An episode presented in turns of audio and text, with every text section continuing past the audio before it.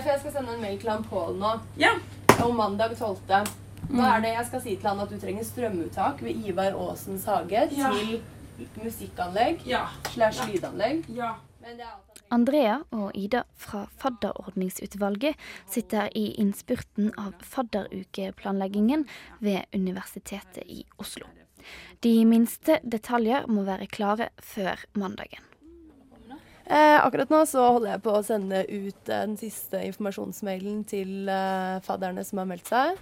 For vi skal ha infomøte på søndag, hvor alle fadderne fra HF, SV, UV og TF kommer. Så vi skal fortelle dem litt hva som skjer i fadderukene, gi dem faddergoder, T-skjorter og faddermappen sin.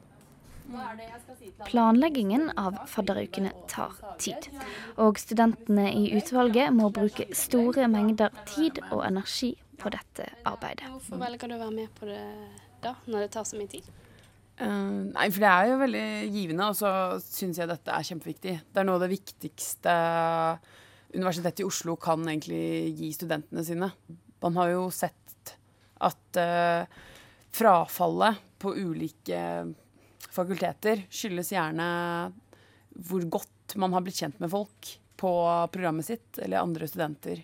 Hvis du ikke føler tilhørighet til universitetet ditt, og ikke kjenner så mange av de du studerer med, så, så sier det seg jo selv. Da er det lettere å ikke trives og ikke ha, være motivert til å lære.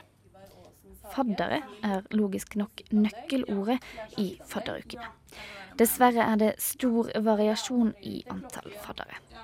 Humanistisk fakultet stiller dårligst med rundt 16 nye studenter per fadder, mens odontologi og medisin har to nye studenter per fadder. Hvordan rekrutterer dere fadderne? Vi, vi rekrutterer dem vel ikke Altså, vi går ikke akkurat rundt og ringer på. Vi prøver å spre ordet mest eh, gjennom dette koselige fenomenet Facebook. Altså er det mest fra, gjennom at eh, folk har vært faddere før. Eh, folk har hatt en god opplevelse med fadderordningen. Det går litt på hva, man, hva slags inntrykk man har av fadderordningen. Så sånn sett er det veldig viktig at fadderordningen klarer å opprettholde et godt omdømme, sånn at folk får en positiv opplevelse fra det. Og da har du lyst til å være fadder neste år fordi det ser gøy ut. Og mens fadderordningsutvalget regjerer på Blindern, sitter to faddersjefer i en leilighet på Bislett. Thea og Johannes organiserer fadderukene for de nye medisin- og odontologistudentene. Storm. Storm kan stå videre, ja. Så det er noen vi vet allerede hva kan gjøre. Hvem er det som er sjef her? Er det du som er sjef, og hun som er sekretær? Eh, vi er vel egentlig korsjefer. Eh, bare hun som har tatt på seg arbeidet med å skrive ned alt. Med én fadder per andre nye student ser Thea og Johannes helt klart fordelene ved å styre det meste av opplegget lokalt. Mm. Jeg, jeg tror det er mye bedre oppmøte når det er lokalt.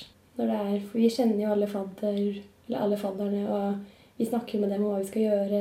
og Det blir mer sånn en vennegjeng som møtes på Sankthanshaugen og griller og møter nye folk som skal gå i klasse med oss. I motsetning til et sånt stort opplegg. Så jeg skulle meldt meg på en fadderuke til ja, noen jeg ikke kjente, når jeg ikke visste hva Mm. var, så blir det noe helt annet. Har dere hatt noe frafall det, siste, det første semesteret? Det var vel noen. Jeg har hørt om en person som har falt av, men av dem jeg kjenner i hvert fall på medisin, så har ingen falt av. I den gjengen som er mest sosiale, for å si det sånn, Ja. så faller jo ikke folk fra. Så Nei. det kan jo, Det er et det kan godt, godt si noe om at det er viktig å være sosial. Mm. Odontologi og medisin er to ettertraktede studier med et tilsynelatende godt studentmiljø. Tror dere at um, om det ikke hadde vært så godt miljø på medisin, at medisin ville hatt frafall på samme nivå som andre fakulteter?